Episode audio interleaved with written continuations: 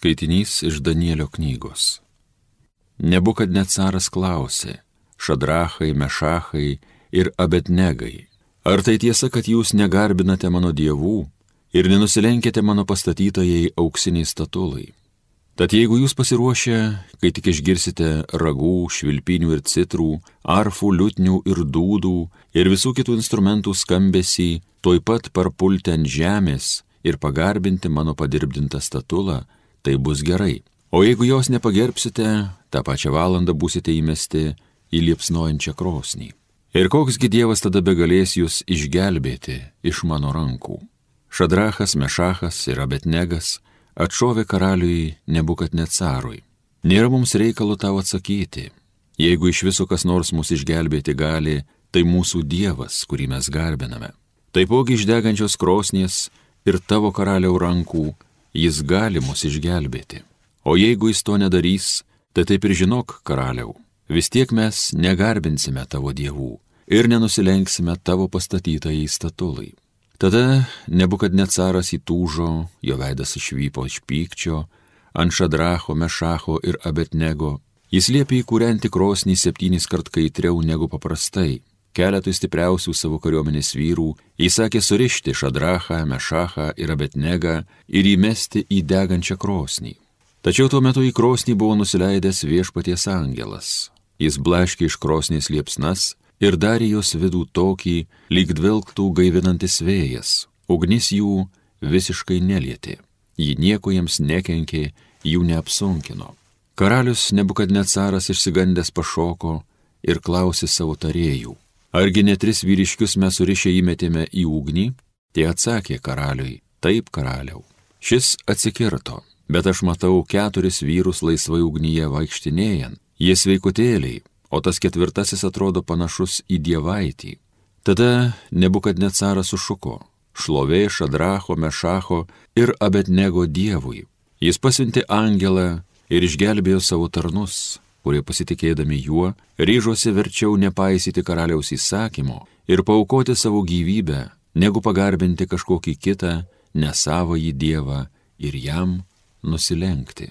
Tai Dievo žodis.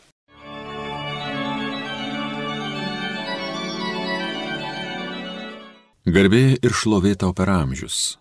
Garbė tau viešpatie mūsų protėvių Dieve, garbė ir šlovė tavo šventajam vardui garbė ir šlovė tau per amžius. Garbė tau viešpatie garbingoj šventoviai, garbė ir šlovė tau per amžius. Garbė tau viešpatie karališkam soste, garbė ir šlovė tau per amžius. Garbė tau viešpatie dangaus ir žemės valdove, garbė ir šlovė tau per amžius. Garbė tau viešpatie dangaus aukštybėse, garbė ir šlovė tau per amžius. Šlovėtau Kristau, amžinosios garbės karaliau. Palaiminti, kurie išsaugo Dievo žodį geroje širdyje ir duoda vaisių kantrumo. Šlovėtau Kristau, amžinosios garbės karaliau. Iš Evangelijos pagal Joną. Jėzus kalbėjo jį įteikėjusiems žydams, jei laikysitės mano mokslo, jūs iš tikro būsite mano mokiniai, jūs pažinsite tiesą ir tiesa padarys juos laisvus. Jie atsakė, mes esame Abromo palikonys ir niekada niekam nevergavome. Kaip tu sakai, tapsite laisvi. Jėzus jiems tarė, iš tiesų, iš tiesų sakau jums, kiekvienas, kas daro nuodėmę, yra nuodėmės vergas. Bet vergas nemžinai namuose lieka, tik sunus lieka ten amžiams. Jei tad sunus jūs išvaduos, tai būsite iš tiesų laisvi. Aš žinau, kad jūs Abraomo vaikai, bet jūs norite mane nužudyti, nes mano žodis neranda atgarsio jumyse. Aš kalbu, ką esu matęs pas tėvą, o jūs darote, ką girdėjote iš savojo tėvo. Jie atsikirto, mūsų tėvas Abraomas, bet Jėzus tęsė toliau. Jei jūs būtumėte Abraomo vaikai, darytumėte jo darbus, dėja jūs norite nužudyti mane, žmogų, kuris jums kalbėjo tiesą girdėtą iš Dievo. Šitaip Abraomas nedarė. Jūs darote savojo tėvo darbus. Jie atšovė, mes nesame pavainikiai ir turime vieną tėvą Dievą. O Jėzus kalbėjo toliau, jei Dievas būtų jūsų tėvas, jūs mylėtumėte mane, nes aš iš Dievo išėjau ir čia atėjau, ašgi ne savo valia esu atėjęs, bet jis yra mane siuntęs. Girdėjote viešpaties žodį. Šlovė tau, Kristau.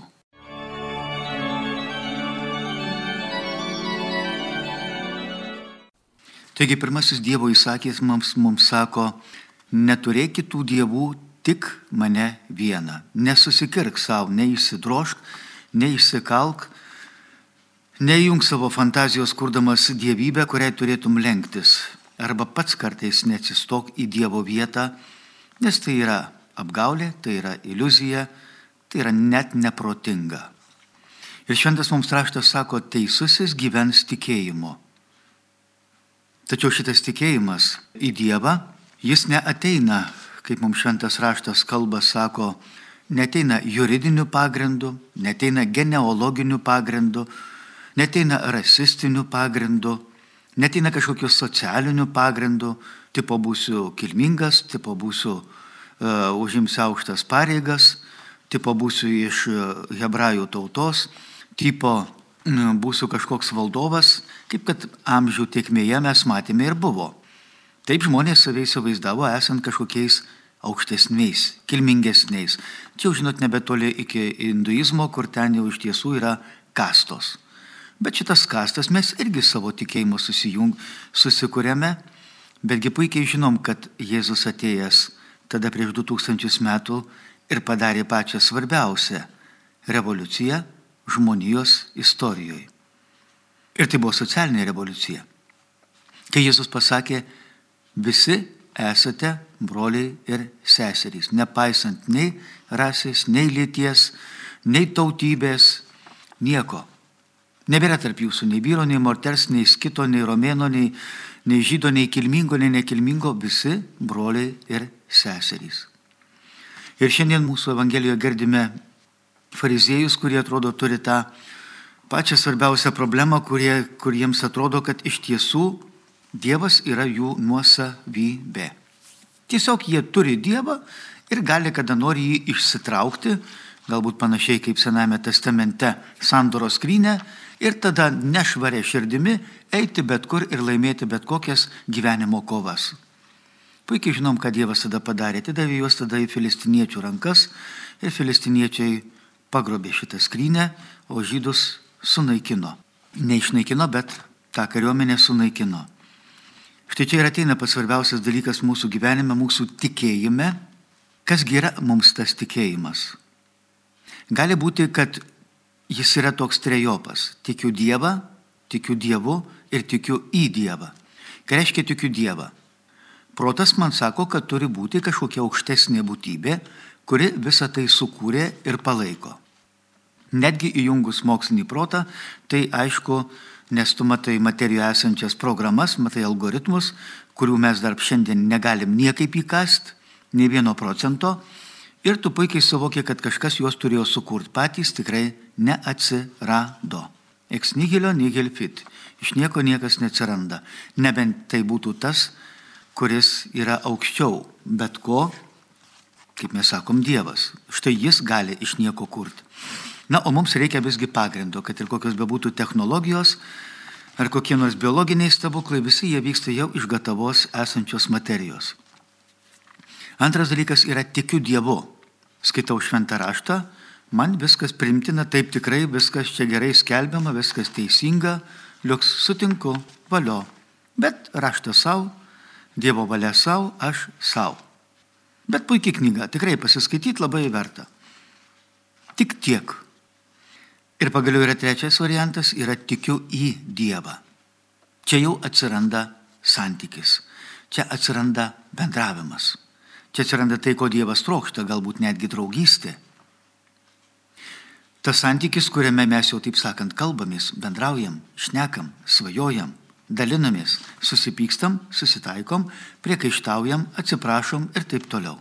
Tai, ką mes darome su žmonėmis, su draugais, su artimaisiais, su klasės draugais, bendradarbiais ar dar kažkaip. Tada jau atsiranda tada tas gyvas, kaip mes sakom, tikėjimas. O atsižadėti štai Kristaus, taip kaip padarė šitie parizai, tai reiškia iš tiesų atsižadėti savęs. Nes e, Dievas mums sako, kokia nauda žmogui, jeigu jis laimėtų visą pasaulį, o prarastų save. Galbūt taip, kaip sakė Aleksandras Makedonietis, gyvenimo pabaigoje aš nugalėjau visą pasaulį, bet pasaulis nugalėjo mane. Žmogiškosios įdos, puikybė, gašlumas, Pavydas, neapykanta ir visi, visi kiti dalykai, ką padarė, nugalėjo. Jėzusgi sako, aš atėjau padaryti jūs laisvos. Jūs, jeigu laikysitės mano mokslo, būsit mano mokiniai, jūs tada pažinsit tiesą, kuri ir padarys jūs laisvus. Nežinoma, čia jau tada žydai sukilo, jie nesutinka, kad žmogų išlaisvina tiesa, nes tam reikia ko? Sažiningumo tiesos su savimi, kurią šventas raštas ir šventoji dvasia žmogui duoda. Puikiai žydom, kad, kad Jėzus nekartą žydam priekaištavo dėl to, kad jie iškreipė tą tiesą, kuri Dievo buvo skelbta per Mozę. Tora, šventai raštą, jiem pakeitė kas? Talmudas. Talmudas po įstatyminiai aktai, kurie puikiai žinom, kad bet ką esančią Toroje ėmė ir sugriovė sunaikino. Ir tada jie įsikabinė šito Talmudo puikiausiai laikėsi, išnaudojo, engė, melavo, apgaudinėjo, sukčiavo ir visa kita. Ir aišku, ten jau tada apie kažkokį santykį su Dievu jau tada nebeliko, nėra ir ką kalbėti. O Jėzus taip norėtų, kad mes būtumėm su juo, sako, aš esu su tavimi per visas tavo gyvenimo dienas, tik ar tu esi su manimi. Ir čia jis pasako tą svarbų sakinį, ateikite pas mane visi. Va tas žodis visi, jis neišskiria nieko. Ateikit prostitutės, ateikit narkomanai, mafijozai, visi ateikit su savo nuodėmėm, kompleksais, priklausomybėm, žmogžudžiai visokie, kas tu bebūtum, ateik, aš tave perkeisiu. Aš perkeisiu. Ir tu tapsi kitoks. Ir matom daugybę netgi šventųjų. Iš tiesų buvo kažkada nedori žmonės, labai blogi žmonės atsivertė, tapo šventaisiais. Ir labai dažnai žmonės sako, kad svarbiausia yra Dievą turėti širdyje. Taip, bet Dievas ten toj širdyje gali būti kalėjime. Jis gali būti šaldiklyje, tavo širdies šaldiklyje, arba tiesiog ten užvakuotas. Kai reikės, tada atidarysiu stiklainį, įsitrauksiu Dievą ir naudosiuosi malonėmis. Ne. Tikrai ne.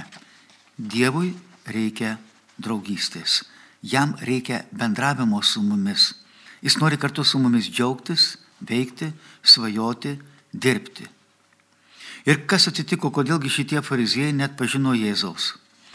Todėl, kad jų širdies nuostata arba jų vidinis pasaulis neatitiko to, ką skelbė šventas raštas, to, ką skelbė pranašai, ką skelbė Jėzus.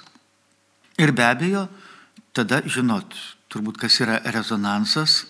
Rezonansas tai yra, kai vieno daikto savėjai sviravimų dažnis atitinka kito sviravimo dažnį. Paprastai pasakius, jeigu padėsi dvi gitaras ant stalo, vieną perbraukus, kita pradės skambėti. Na, rezonanso daug kas naudojasi fizikoje. Ir va, jeigu į mūsų šitas dažnis, mūsų gyvenimo nuostatos ir mūsų gyvenimo vidiniai įstatymai mūsų vidinės konstantos atitinka Dievo. Štai tada prasideda rezonansas. Tada išgirdęs Dievo žodį, išgirdęs Dievo kvietimą, šventosios dvasios įkvėpimą ar dar kažką, iš karto tavie viskas veikia. Trykšta iki tokio lygio, kad darai stebuklus. Bet fariziems, kaip matome, šitas rezonansas nesigavo. Netitiko dažnai. Jų nuostatos buvo visai kitokios išnaudot, meluot, apgaut, nusukt, pasinaudot savo protu, savo išmonę ir suklastot vienokį ar kitokį dalyką, pasinaudoti. Taip kaip žinot, buvo antikos laikai filosofai, kurie ieškojo tiesos ir buvo sofistai, kurie naudodami visokias įmantres verbalinės gudrybės galėjo išvedžioti bet ką. Galėjo išvedžioti bet ką, taip kaip paprastai pas mus dabar daro advokatai kartais arba teisėjai nuteisdami nekaltą žmogų, o kaltąjį paleisdami, išteisindami. Suvarto, pasinaudoja įstatymus, apeina, interpretuoja ir tada štai gaunasi. Jėzus sako ne.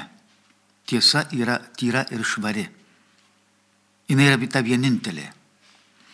Ir prašykim, kad mes irgi gyvenime kartais neprasilenktumėm su tiesa savyje, su tiesa santykiuose su kitais žmonėmis, išmokim atleisti, išmokim atsiprašyti, pripažinti, kad esu kaltas, esu kaltas, o ne esu šventas, esu šventas, esu baisus ir šventas. Baisiai šventas. Ir be abejo su visu pasauliu.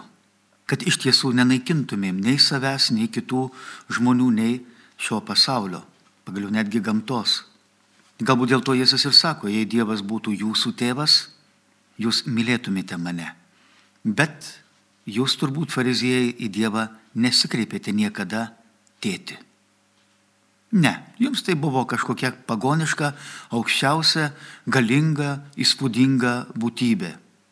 Rūsti, reikli aukoms ir taip toliau. O Jėzus mums ką skelbė? O tą išimtinį dalyką iš visų, visų, visų kitų religijų. Kreipsitės į Dievą, sakykit tėti. Štai šito dėja fariziems taip ir pritrūko. Daug Dieve, kad mums nepritrūktų. Amen.